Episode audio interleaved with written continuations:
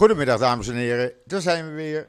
Joop Suzan uit Ierjemien in Israël met mijn dagelijkse nieuwspodcast. Laten we eerst even met het weer beginnen, want we hebben een gamsim. Oftewel, uh, het is officieel 24 graden, maar het voelt als 26 graden. Uh, warm, zomers. Wel lekker, moet ik je zeggen. Uh, het is niet helemaal strak bewolkt, het is behoorlijk vochtig. Maar de temperatuur, dat is toch wel een verademing. Ik vind het toch wel iets heerlijks. En voor mij, uh, het mag nog wel even zo duren. En het duurt ook nog even. Minstens tot woensdag of donderdag. Dus uh, ja, dat gaat lekker. En dan het nieuws. Ja, dat ziet er niet zo goed uit. Maar laten we eerst maar iets met iets uh, technisch beginnen. er is een Israëlisch bedrijf die heeft met artificial intelligence uh, een systeem ontwikkeld waarbij je rouwadvertenties kan opzeggen. Uh, die zet je gewoon op, uh, je geeft wat woorden op en de rouwadvertentie wordt gewoon gemaakt. Je kan het allemaal lezen in israelnieuws.nl. de app heet Finding Words Tool. Weer eens wat nieuws komt er helemaal niks persoonlijks meer aan te pas. Uh, en dan het nieuws. Ik zei het al, dat ziet er niet zo goed uit. Gistermiddag zijn twee Israëlische broers van 20 en 22 jaar, die op de Westbank woonden, zijn doodgeschoten in de, uh, vlakbij de Palestijnse stad Nablus. Uh, in Hawara werden klemgereden met een auto en meteen ter plekke doodgeschoten. De terrorist is nog op de vlucht. Ja, en dan, uh, dan krijg je natuurlijk uh, een uh, ontploffing van geweld, laten we het zo maar noemen. Even een slokje water. Um, de kolonisten, 400, 500 kolonisten, gingen de afgelopen avond en nacht in de aanval. Hebben tientallen woningen en auto's in de brand gestoken, vernielingen aangericht, namen het recht in eigen hand. En uh, ja, dat doe je natuurlijk ook niet. Uh, het leger heeft uh, de rust min of meer proberen te herstellen. Hebben ook veel Palestijnen gered. Ik heb er wat foto's van op Twitter staan. Alleen die zie je niet in de internationale pers. maar ja, het is nog niet echt rustig daar. Uh, de Amerikanen natuurlijk pisnijdig, uh, bevoordelen het geweld op de West, Westbank, maar ook het geweld van kolonisten. Ja, en dat is voorlopig nog niet gestopt.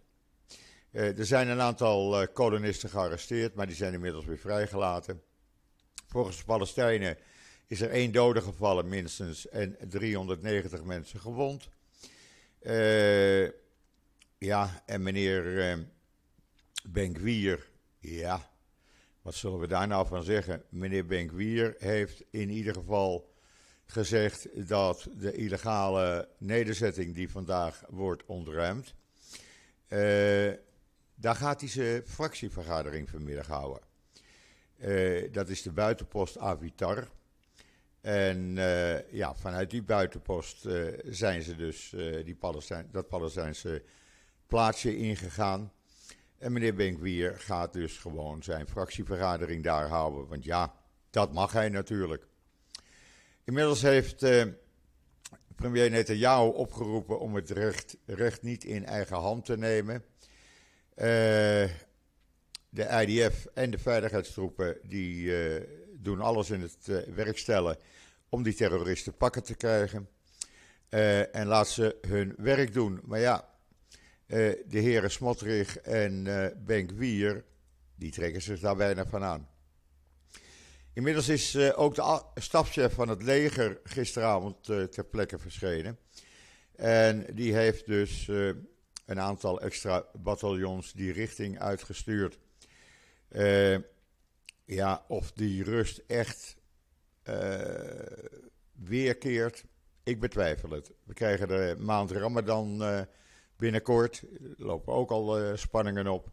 En het is natuurlijk al spannend op de Westbank sinds Benkwier en Smortrich in de regering zitten. Maar goed, je kan het allemaal lezen en de filmpjes zien op israelnieuws.nl. En vanzelfsprekend zal ik jullie op de hoogte houden van uh, de rest van de dag, hoe zich dat gaat ontwikkelen. En dan gisteren, ondanks uh, bezwaren van uh, de juridische afdeling, heeft de Knesset toch de wet goedgekeurd. waarbij doodstraf voor terroristen wordt ingesteld. Natuurlijk, Amnesty was er meteen als de kippen bij om dat te veroordelen. Dat is logisch. Uh, aan de ene kant ben ik het er wel mee eens. Maar dan moeten het bepaalde terroristen zijn. Niet alle terroristen natuurlijk. Je gaat niet alle terroristen uh, ter dood veroordelen. Procureur-generaal, die toch al uh, overhoop ligt met de regering, met het, ja, de wijze waarop het kabinet op dit moment werkt, die zei in haar advies dat er juridische belemmeringen waren om deze wet goed te keuren. Uh, dat kan je niet zomaar doen. Maar goed, uiteindelijk is hij toch uh, goedgekeurd. Het is een wetsvoorstel uh, wat kwam bij de extreem rechtse partij Osma Yehudit vandaan, van meneer Benkwier. we zullen het zien hoe ver dit zich gaat ontwikkelen. er staat wel in die wet iemand die opzettelijk of uit onverschilligheid de dood veroorzaakt van een Israëlische burger wanneer de daad wordt uitgevoerd vanuit een racistisch motief of haat jegens een bepaald publiek en met als uh, doel de staat Israël uh, te schaden, dan uh, kan je het doodvonnis verwachten. we gaan het zien hoe zich dat gaat ontwikkelen. dan was er gisteren nog iets. Want ze gaan natuurlijk door met die uh, wetsveranderen.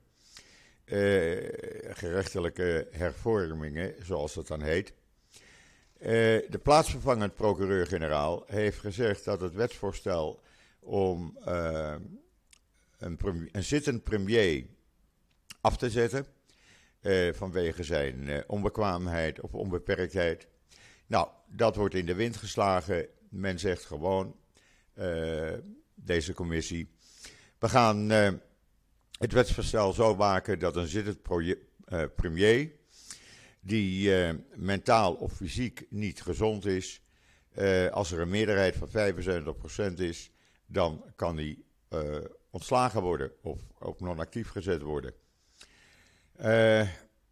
ja, we gaan het kijken. Ik, ik, ik heb hier niet zoveel vertrouwen in, want dit is ook weer bedoeld om Netanyahu te laten zitten natuurlijk.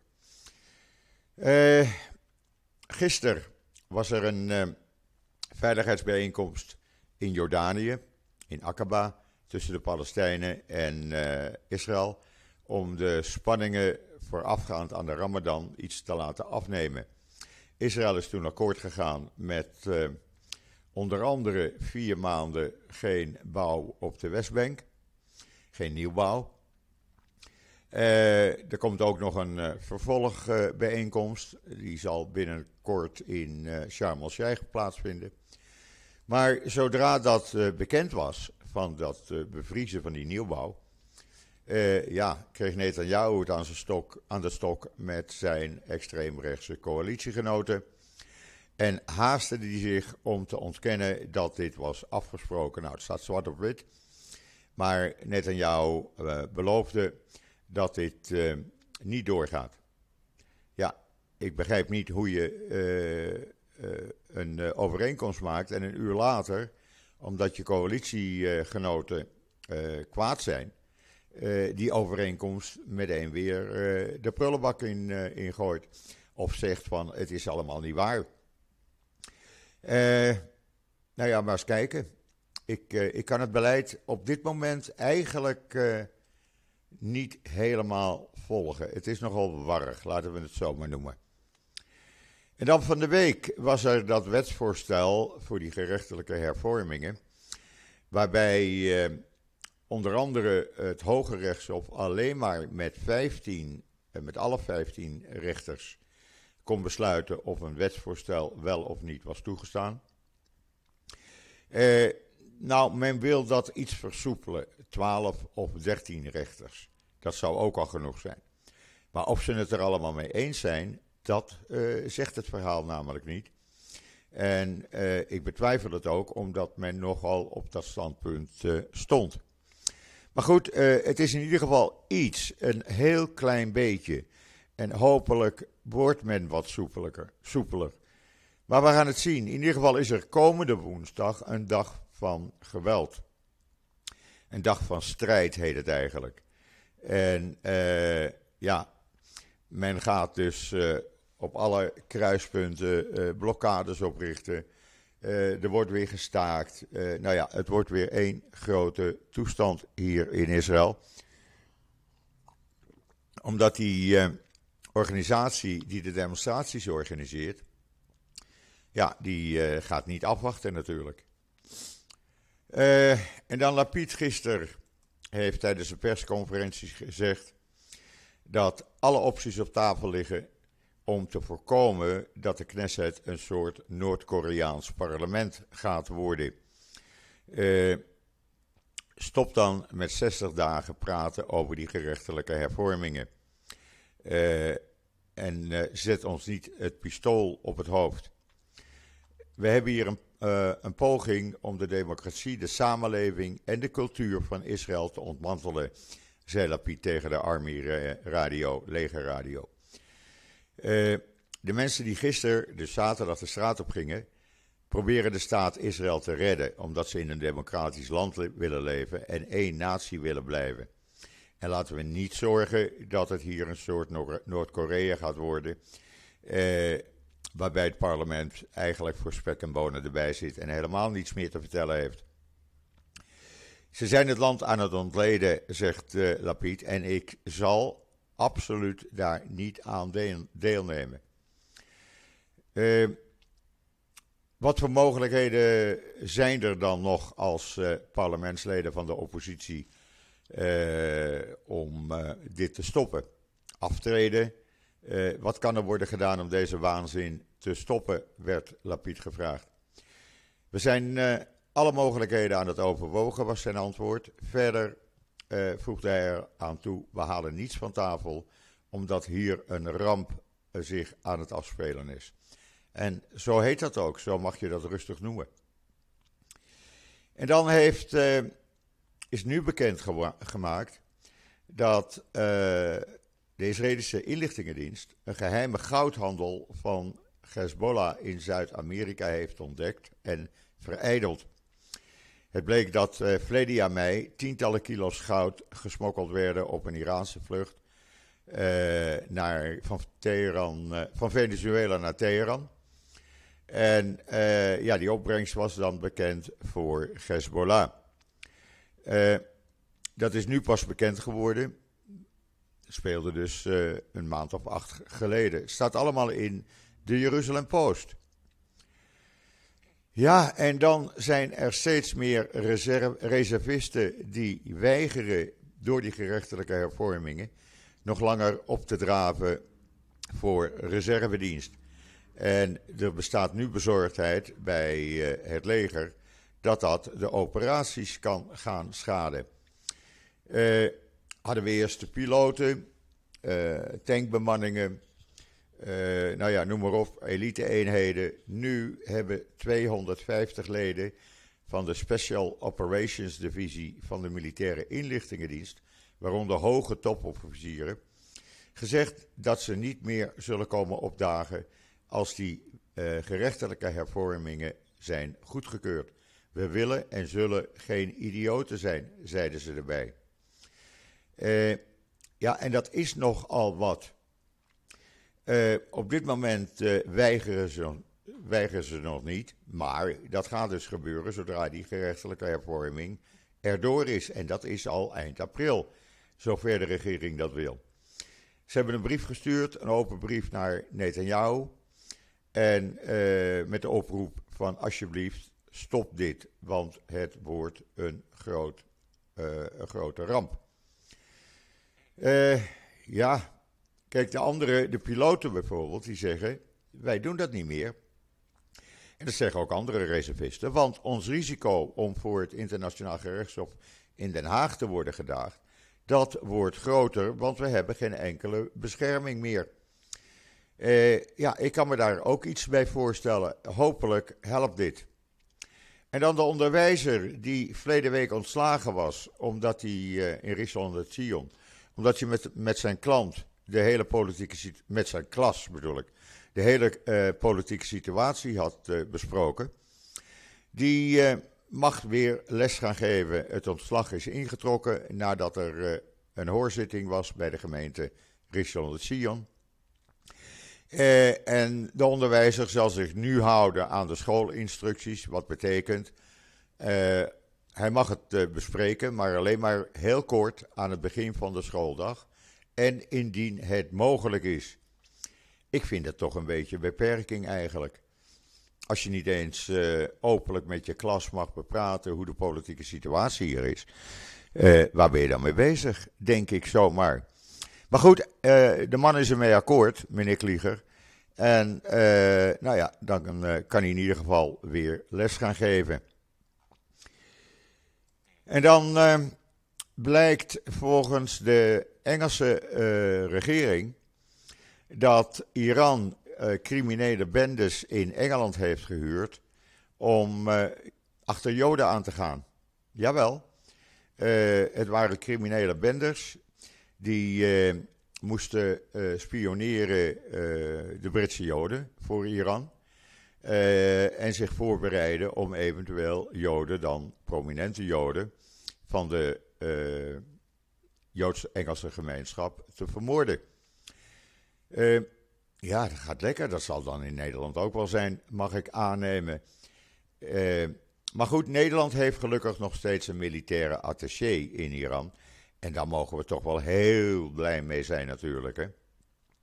Want wat zou Nederland zonder een militaire attaché in dit, uh, nou ja, deze terroristenstaat uh, zich kunnen afspelen? Maar goed, dit is vanmorgen bekendgemaakt, staat in de Times of Israel. En dan heeft de grenspolitie een uh, grote aardappelendiefstal in de Negev voorkomen. Acht verdachten zijn uh, het afgelopen weekend opgepakt. Uh, ze probeerden op drie verschillende locaties gestolen aardappelen in hun voertuigen te, te laden en ja, mee te nemen. Nou, dat kan natuurlijk niet. En goed dat dit ook voorkomen is. Verleden jaar hebben bendes in de Negev voor uh, miljoenen dollars aan schade toegebracht aan Israëlische boeren. er werden 186 landbouwcriminaliteiten gemeld verleden jaar. Dat is nogal wat. Uh, je bent ook niks meer, niks meer zeker, niks meer veilig.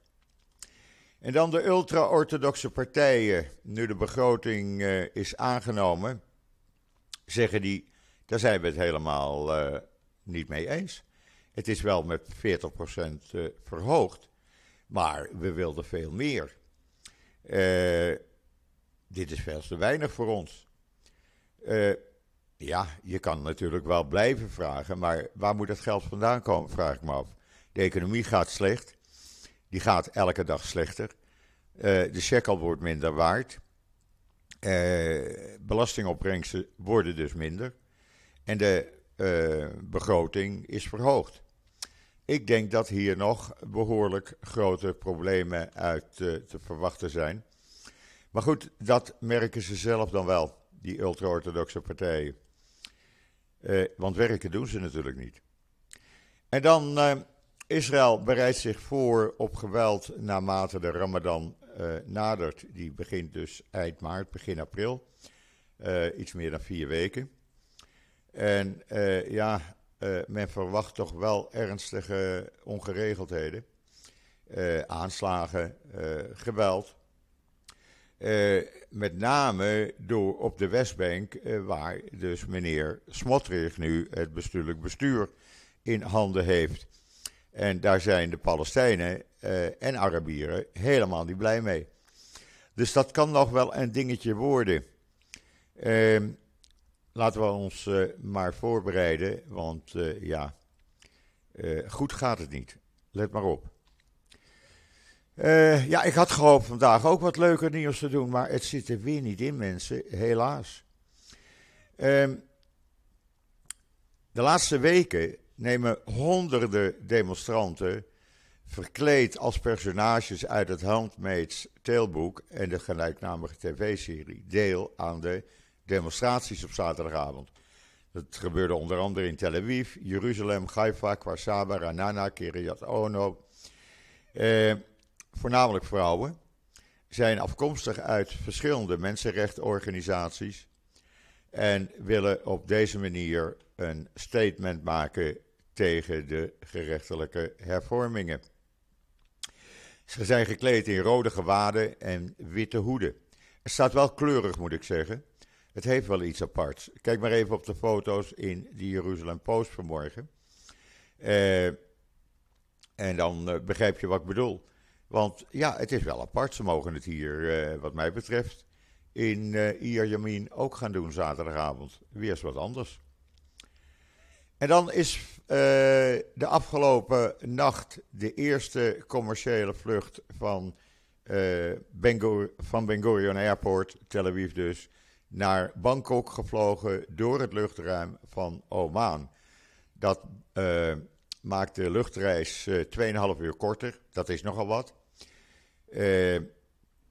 en ja, dat is wel lekker natuurlijk, dat je nu in een uur of acht in Bangkok bent in plaats van 10,5 uur. Het mag dus. En uh, de LL-vlucht vanmorgen was de eerste die uh, deze vlucht maakte.